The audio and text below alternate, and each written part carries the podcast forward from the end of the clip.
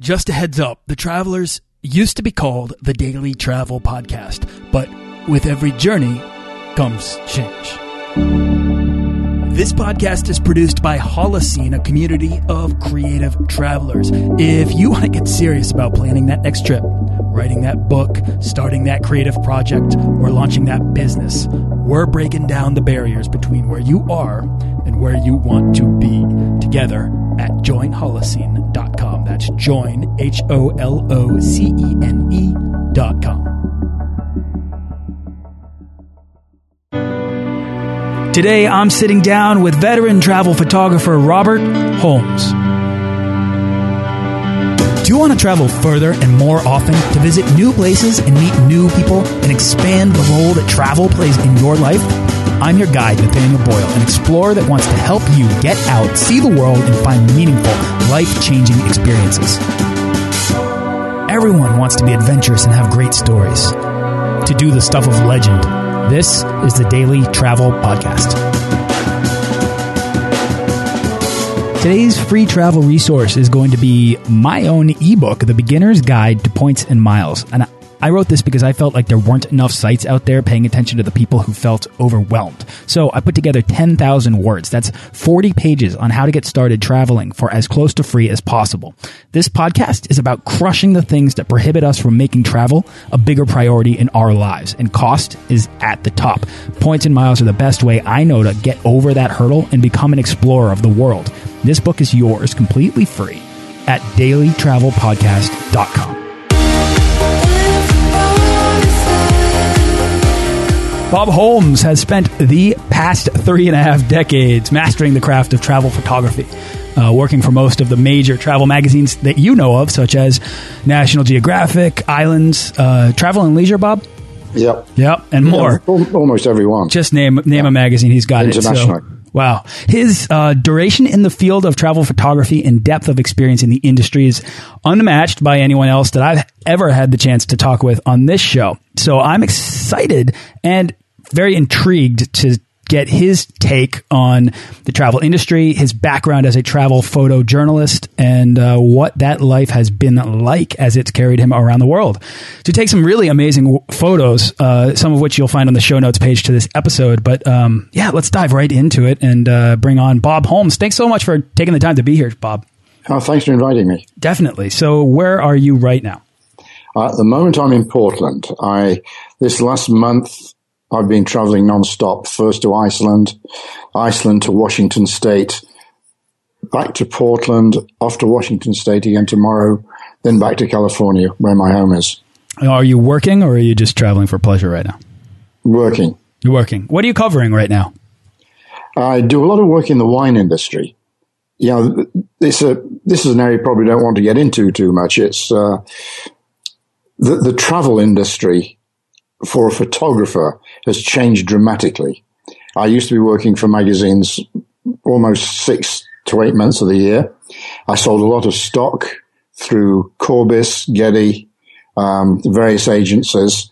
That market has diminished to a dribble where I was making $10,000 a month from Corbis at one stage. It's now dropped to three figures a month. Wow. Uh, which is alarming. And this is because of, um, you know, e- easily available for photography. That's right. And ev- everybody's a photographer. Yeah. You know, it's, it's one of my pet peeves. You know, every travel writer that used to be just a travel writer is now a travel writer and photographer.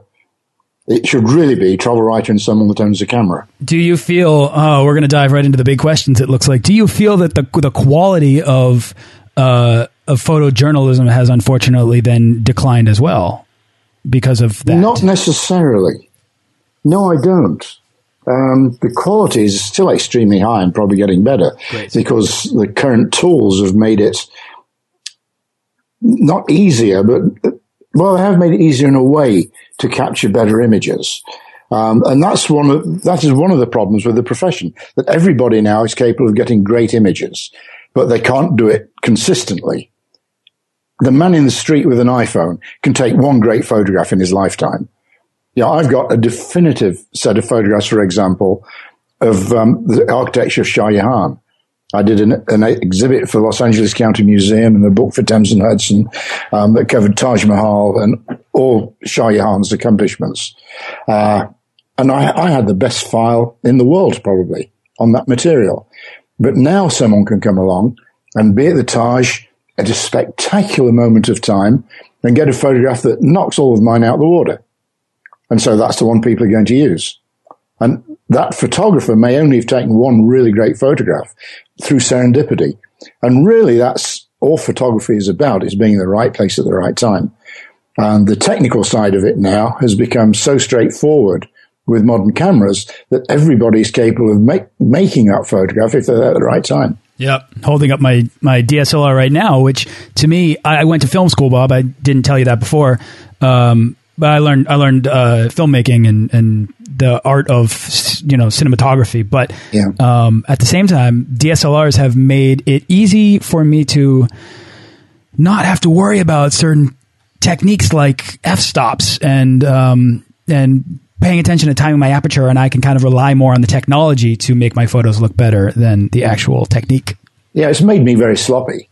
Interesting. I used to shoot. I used to shoot Kodachrome um, or Velvia in the old film days, and I had to be very precise. You know, I'd go away on an assignment, particularly something for geographic.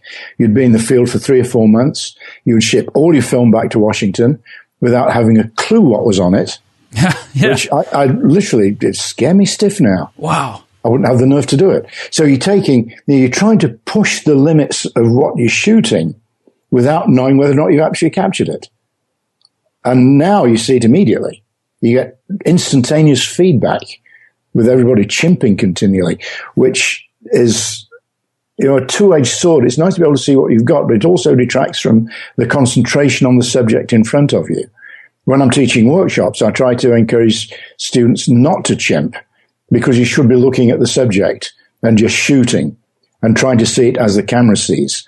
As soon as you, your attention is taken away from that, um, you can miss really critical points. Well, right there, that right, what you just said is what really interests me about photography as a uh, as a vehicle for chronicling your travels. Because if you want to get that that magical photo or you want to capture that that moment in the right place at the right time, you need to put yourself in a position to give yourself the greatest chance of being in that right place, right? Which I think means you need to step outside of your comfort zone, get into the unknown, and uh, prepare as best you can to capture serendipity. Yes, you, it was. Uh, I think it's Pasteur chance favors a prepared mind. Um, is very true. You have to be very well prepared for what you're doing, certainly photographically. Think one of the big problems with photography is that anyone can pick up a camera and take a technically great photograph. You can't pick up a violin and make beautiful music immediately. And people don't realize that a lot of work has to go into taking consistently good photographs. You have to, yeah, I hate this phrase, but you have to be at one with your camera you know, it's a Zen-like thing. The camera gets in the way of photography.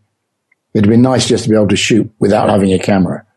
Just see something and record it. Interesting. Which is, I guess, Google Glasses, the closest we've got to that. It's although, certainly the attempt. Although I've never used it, but that is the ideal. I often see see images that I would love to have captured with a camera, but circumstances have prevented it. You know, back at home, I drive across the Golden Gate Bridge a lot, and sometimes the light over the bay is absolutely magical.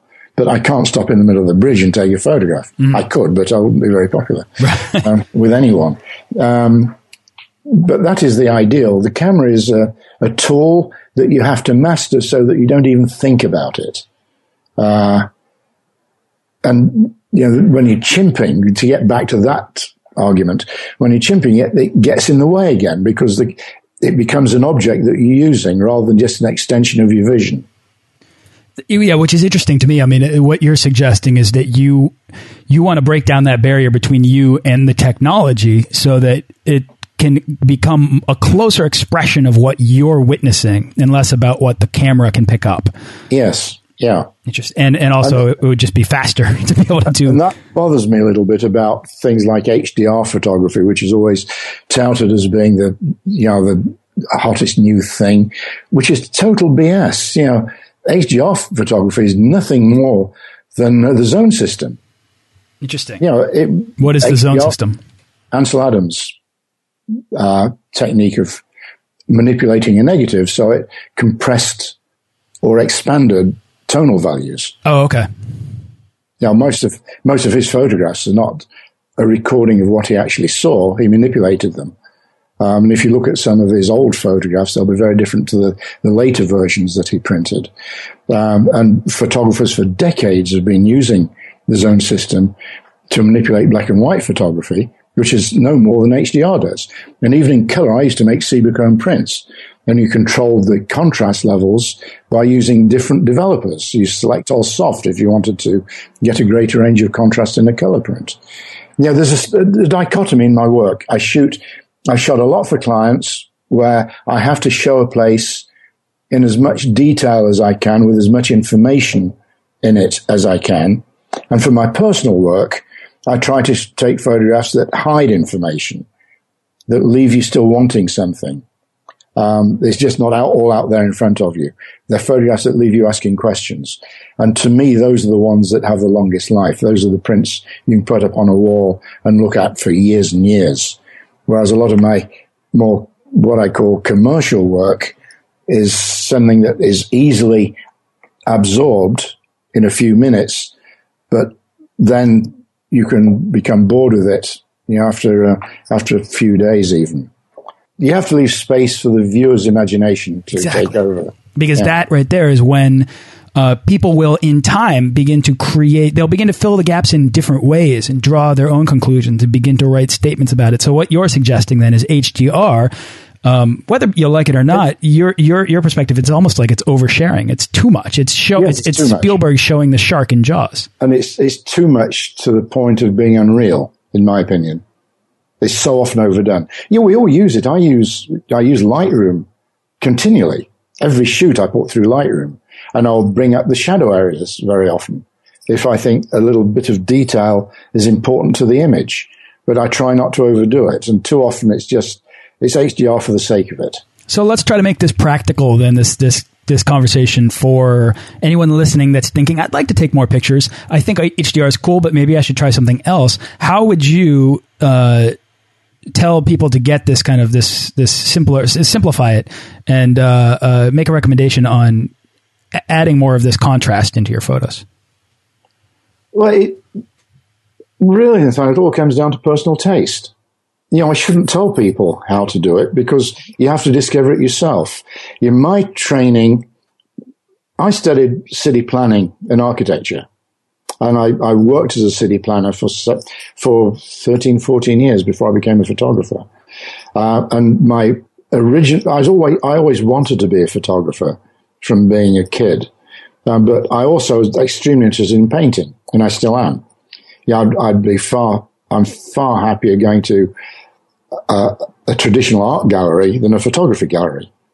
The, the quality of printing now has come to the level where it's hard to distinguish between an original print and a photograph in a book. And, and some work lends itself to book reproduction where you can spend time with it. Um, you know, Cartier-Bresson, for example, or Salgado, it can be printed beautifully in books and you actually spend time with the image rather than standing in a gallery looking at it. Scale sometimes matters with Salgado's work. I've seen some magnificent big prints, but a lot of his work is just as interesting seen on a small scale and you have it in front of you forever. So art galleries really interest me and the, the school of painting that I'm most interested in is certainly 20th century, um, or predominantly 20th century and abstract expressionism, which appears to bear no relationship to, to any realistic vision. But when you see examples I put together, there's an uncanny similarity between a lot of my photographs and the paintings of, say, Franz Kline or Robert Motherwell, um, which are uh, superficially totally abstract. But when you see them with a realistic portrayal of something, you can see how the painter was probably, you know, you never, you can never second guess what someone's thinking, We can see where the inspiration probably came from. Um, And you, you have to find, I think it's important to find your own source of inspiration. I'm not suggesting you all go out and look at abstract expressionists. Far from it. You know, you could look at the impressionists or, as you say, Caravaggio. Find someone who you get a gut response to. And it takes time. You know, you don't just go into a gallery and immediately like something. You have to give things time. And in this day and age, people are too impatient. You know, they want it all now. And it doesn't happen that way with photography or anything else. You have to put the time in. Um, and then you develop your own personal vision. You may want to, to have an HDR effect and that becomes your signature style. I personally hate it, but it doesn't matter that, that I do. Everyone else may love it. I'm just extremely opinionated. uh, yeah, I happen to like dark areas. I'm a very dark photographer, as again you can see from the image on the screen. yeah, yeah. Well, you know, I, and I, I actually I really really respect your uh, your opinions here because it makes for interesting conversation. Um, and anyone listening could say, you know, I actually I may, there are probably people listening that are thinking, I, I love HDR. I think it looks really cool, and so I'd love to hear their kind of their comments on this. Um, but Bob, let's take your uh, philosophy of art and your style of photography and. Uh, I'd like to know how you began to apply that to travel. When did you get into travel, and when did photography enter the picture as a professional, uh, as a, a, a thing you could do professionally? Well, as I just said, I always wanted to be a photographer. I even applied to Ilford and Kodak for um, uh, scholarships when I was in school, in high school. I thought that would be a way to get into photography. It would have been a disaster. I, I was pushed into sciences in school. I taught physics, chemistry, and math at, in England, it's at A levels, which is the university entrance level examination. Um, I guess it's like the SATs in the States to some extent. I, I happened to be reasonably good at sciences although I wanted to study art and geography, I wasn't allowed to, which is a really screwed up system when I was in school.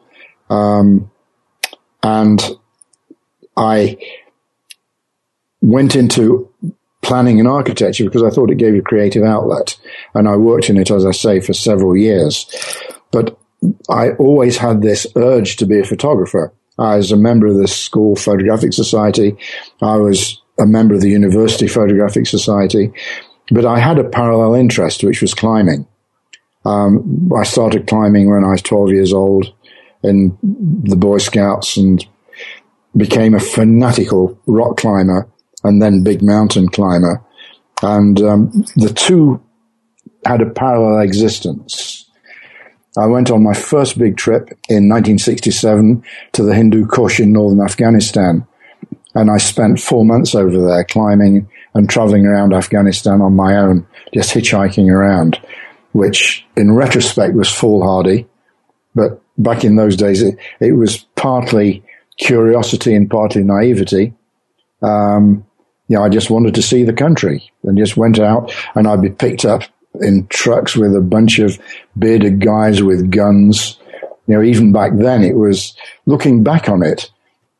I should have been scared stiff, but I wasn't. they were great guys. I love the Afghans. Why did you choose that part of the world? Because the expedition was going there. Ah. It was called the British Hindu Kush ex- expedition, and um, it's climbing a few unclimbed peaks in the Karakoram.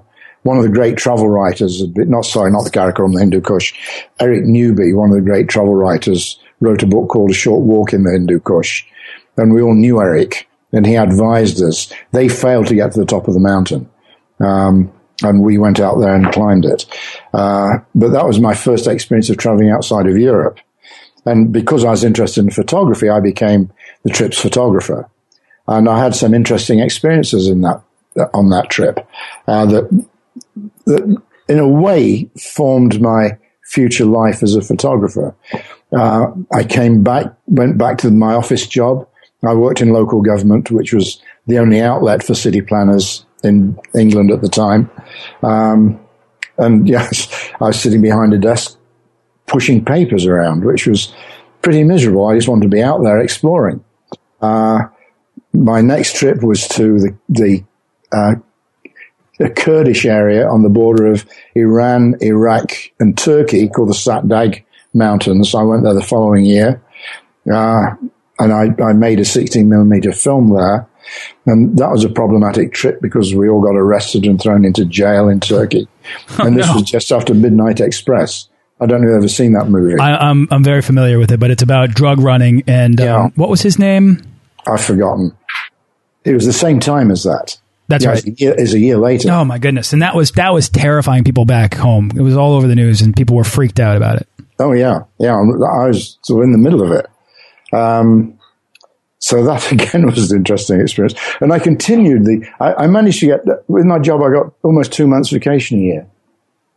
So during these long vacations, I kept on going on trips. I I did several trips to North Africa. I drove across the Sahara um, and covered it. I did a story for, I think it's either the, London Observer or the Daily Telegraph. Uh, I've forgotten which one of the weekend magazines it was. And this was in the early 70s. Um, and then in 1975, a group of friends got permission to climb Everest and it, the southwest face of Everest, which was the hardest route that has ever been done on the mountain. And it would have, it was potentially the first time an Englishman would stand on top of the mountain, the very first English ascent. Because the 53 expedition, of course, was Tenzing Norgay, who was Nepalese, and Ed Hillary, who was a Kiwi. So no, no Briton had ever climbed Everest. And this looked as though it was going to be the first time it would be climbed. And one of my best friends in England, Doug Scott, was thought to be the guy that was going to get on top, which he did with Dougal Haston, a Scottish climber. And I got an assignment from the Daily Mail to cover that expedition, um, which was like a dream.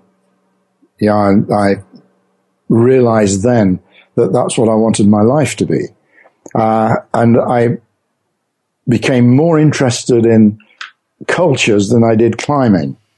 What was the, the point then that it it moved it moved away from being about climbing and being about climbing was the vehicle climbing was the vehicle that enabled me to break into professional photography and at what point did you fall in love with cultures and wanted to start taking photos of that instead well i guess it started in back in afghanistan because I spent so much time with the Afghans traveling to little villages all over the country. Mm. And then it was just compounded by these other trips to North Africa, the Sahara, and then Nepal.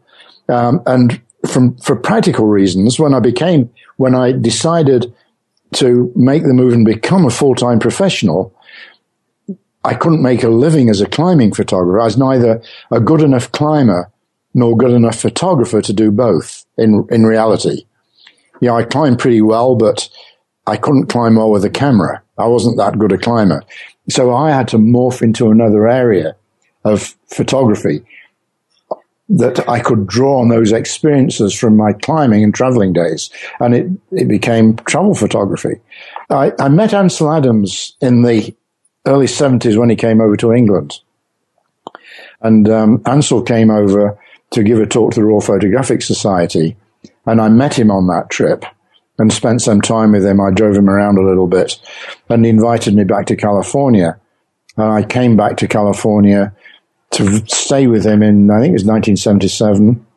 And then I moved over to live in California in 79. And that's when I gave up my town planning job. Um, I just jumped in the deep end, came to the States and, uh, decided I was going to try and make it as a photographer. Let me ask you two questions then that stand out to me about a, a lot of what you just said. First is, um, what was Ansel's impact on you? Because you mentioned you drove him around and then you got back and then you moved to California and that was it. And that it's something changed there. No, he didn't really have a lot of impact on me. When I met him in, in England, okay. I hadn't, I didn't really know how important he was. I just thought of this old guy with a big camera. Yeah. Um, yeah, I knew his work superficially, and I have to say, I'm not really a fan of Ansel's work. I find it a little bit too clinical. I, I find it lacks emotion very often. There are a few prints that are remarkable, but you know, I, I can respect it from a technical point of view and as a visionary, but we knew each other. We became friends on the basis of climbing. rather than uh, photography. Ansel always wanted to go to the Himalayas, never went. But he's obviously interested in mountains from all his work in the Sierra. So we had, we had this basic interest that was completely aside from photography. So he didn't really influence me at all. He, he worked at such a, in a different sphere as a fine art photographer. You know, he introduced me to some great photographers, Brett Weston, Pirkle Jones, who became a very close friend. But he didn't really influence my photography in any way. Did he influence your career decisions in, in a way? No. No. No, he didn't. So it was kind of just a coincidence that you met him and then shortly thereafter you went full time and you you left the city yeah. planning behind. Yeah, it was yes, it was coincidence. You, you were working up to it already. Yeah, I was already working up. And uh, you know, I should say before I did this Pakistan trip, I did a few gigs for the BBC. I photographed the Queen's Jubilee tour in 1977. Um, I got a what's called a raw Rota Pass, and I covered the Queen's visit for the BBC through connections I had with the Beeb, and I did some other little things, but um, nothing major. I certainly wasn't making money at it, and I worked for a local daily paper. I did one story a week with a friend who was blind. He was a reporter on the paper and had an uncanny ability to interview people. He could read your mood, even if you tried to hide it. He could read it immediately over the phone. You know, he had this sixth sense, being blind. He could pick up on things that we just don't huh. notice at all. Makes me so I used to, I used to drive him around, and we'd, I'd shoot the story, and he'd do the interviews and write the story, and that was fun. I think I paid yeah. uh, five pounds five pounds an issue once a week. Five pounds, which in those days was probably ten dollars. So I didn't exactly get rich, but it was it, it was a good way to cut my teeth in being a professional because you have the most boring things to make look interesting. Yeah. Well, yeah, my, my, question for you then is cutting your, your teeth as a professional. What was it, was the trip to the Himalayas was was Everest a thing that that pushed you into into a professional career, or were, was there a moment in which travel photography became the thing that you knew you could the sustain your life with? The experience pushed me into it. Oh, okay. Everest was almost irrelevant. It was being uh, it was being on a big international trip with uh, you know having to file photographs. It was the romance. It was the romance of travel, and it was complete the complete romance of it. The fact that it was for a very important British expedition that got amazing amount of publicity back in the UK um, was an added bonus. But even without that, it would have been such a fun trip. Unfortunately, someone died on the expedition, which was tragic. I, you know, I had a box of cigars from his wife to give to him, and he died before I could give them to him. So, you know, it's it was emotional on several levels, but it wasn't the climbing the fact that it was Everest that got to me. It was it was the experience of being um, an, uh, suddenly an international photographer, which I'd always dreamed of being. Right. So where did that lead you next in terms of getting gigs with all of these magazines? The, the first job I did, which was photographically related, was as a, an editor for Darkroom Photography magazine. It happened to be published out of San Francisco and I went to see the editor a few weeks after I arrived here and introduced myself as a writer, which was, you know, total crock of whatever. And, um, cause I'd, you know, I'd barely written a postcard home. But I, I, said I was a writer and photographer, moved, moved over from England, and I noticed they had a column called Masters of Photography, and they hadn't done one on Ansel Adams. Would they be interested? And uh, I, I, guess this is the way Ansel did affect my, really did create uh, an opening for me in direct and indirect ways. And she said, "Oh, you've been wanting to get Ansel since we started the magazine, but we can't get him to give an interview." Uh, so, well, if I can get one, are you interested? Yeah, of course we're interested. Yeah, I'll see you when you've got it. And never expected to see me again. I called Ansel when I got home, said, you know, this magazine is interested in an interview on you. Uh, do you mind if I come down? He said, no, just, you know, let me know when you're coming down. You know, get some photographs in the darkroom. And I did a eight page spread for the magazine, um, with this in question answer type interview with Ansel. Great spread of photographs of him in the darkroom with John Sexton, who was Ansel's assistant then. You know, John's now a very eminent landscape photographer in his own right. Um, and I did this, you know, I did Brett Weston, I did several of the great West Coast photographers for the magazine. And then I thought, this is ridiculous. I don't want to be shooting. I don't want to be writing about photographers. I want to be one. And I suggested to the editor that we do stories on the people behind photography. Like, for example, the director of photography at National Geographic.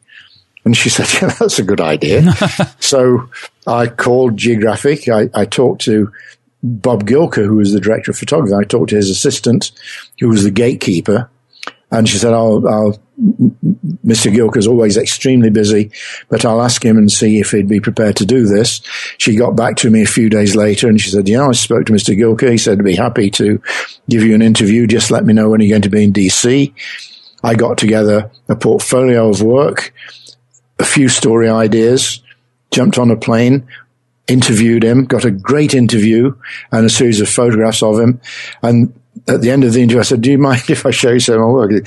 His eyes rolled and he said, "Look, I've got the I've got the biggest Rolodex of photographers in the world. said, why would I, why would I want to see yours?" You know, well, I've, I've also got some story ideas, and so okay, I, I guess I'll look at it. I looked at he looked at the work, pitched the story ideas. He said, uh, "Okay, I'll get back to you." A couple of weeks later, he gave me an assignment. And years later, he said he hadn't given it to me because he was impressed with my work. He said the work was okay, it was competent, but that was all. um, he said he's impressed that I got through his door. And he said if I could open his door, I could handle a geographic assignment. Because it's what, it's what we were saying at the beginning of the interview about being in the right place at the right time. That's right. It, it's a lot of it serendipity, and you have to make, you have to create the opportunities. Totally. That's exactly what I was going for is the your travel experiences, your mountaineering experiences, your uh, background in taking chances certainly probably broke down any hesitation or trepidation that you might have to ask for the opportunity when it's presented before you. Yeah, and I was very hungry in those days. You know, now I tend to be complacent and it's I don't go after what I should go after. Fortunately, you know, it's, I've had enough work coming in not to worry about it too much, but there've been drought periods, particularly during the recession. After 9-11, it was particularly bad. Travel magazines closing. They were not getting no advertising, no international assignments. No one was traveling abroad. And that was a difficult period. And it's the same it coincided with digital photography taking off in the early 2000s when suddenly stock prices dropped as well. But, you know, unfortunately, I've managed to be very flexible and weathered most of the storms that we've had. In fact, I've moved into video in the last five years and now I'm doing a lot of filmmaking and also teaching workshops. I've always taught workshops, but, um, I've put more effort into those in the last few years because they enable me to travel internationally and I get a lot of satisfaction from helping people take better photographs. I really enjoy it. Is the travel has the travel always been the thing, maybe the the chief thing that has compelled you to continue the career trajectory that you've gone down for the past three and a half decades? No, I don't think it is. Mm. I, I I I don't really understand travel without a purpose. Ah, yeah, that's uh. Some people have said that on this show before. Yeah, that's I don't really get that. You know, a lot of people say, oh, "I love to travel." And I, I guess I understand experiencing different cultures, but for me personally, I want to be doing something as well. And I'm really interested in food and wine. So that's always, you know, that's always being an underlying area and it, it, it meshes with travel very closely. Um, food and wine segue into general travel stories continually.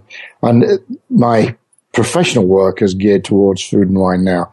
90% of my work recently has been in the wine industry. Um, and I've done a lot of cookbooks. I did a cookbook on almonds that came out this year. I'm just starting work on another cookbook. Um, so that's that's an area that I've, I've again morphed into to to keep me alive as a photographer, not only financially alive, but also from the point of view of inspiration. Yeah, I'm ADD. I've, I've got a very low boredom threshold, and one of the great things about photography is every day is something new. I love that. I love that about about the job. I, I, could I could talk about this stuff all day. This is really fascinating. It's a really rich background of experience that both photography and travel and curiosity have clearly uh, led you towards, and now you have these fascinating stories. Um, and I'm, th thank you for sharing a lot of them here today because you were you're able to sew them together in a really unique way. Uh, is there anything else that you want to uh, share here about anything that we've talked about before we wrap up? Only if you have a few more hours. Sadly, I do not. we could make a no, 10 part so episode. Much, there's so much to talk about, but uh, yeah, we've covered the gist of it. I think so. The important thing about how I got, I think the important thing is how I got involved in my inspiration and how I created my, how I created my own opportunities. That's the important message. Bob, uh, where can people go to uh, find out more about you and uh, actually immerse themselves in your body of work? We have a workshop site for international workshops, another workshop which is Lumaria, L U M A R I A workshops.com, um, which has both my work and my partner Andrea's work on it. Um, and my own personal website is just robertholmesphotography.com. That's in the process of being updated, but it's still um, it's still a valid website that works.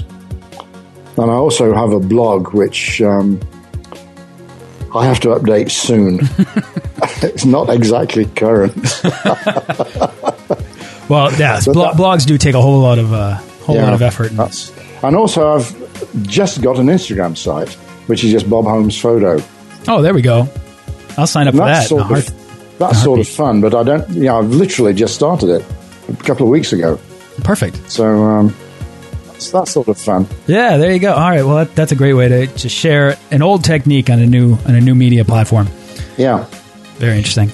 Um, Bob, thank you so much for taking your time to come on the show. I really appreciate uh, you being here and you sharing these kind of these unique uh, your unique background in travel, photography, and, and art. Thank you. Thanks very much for inviting me.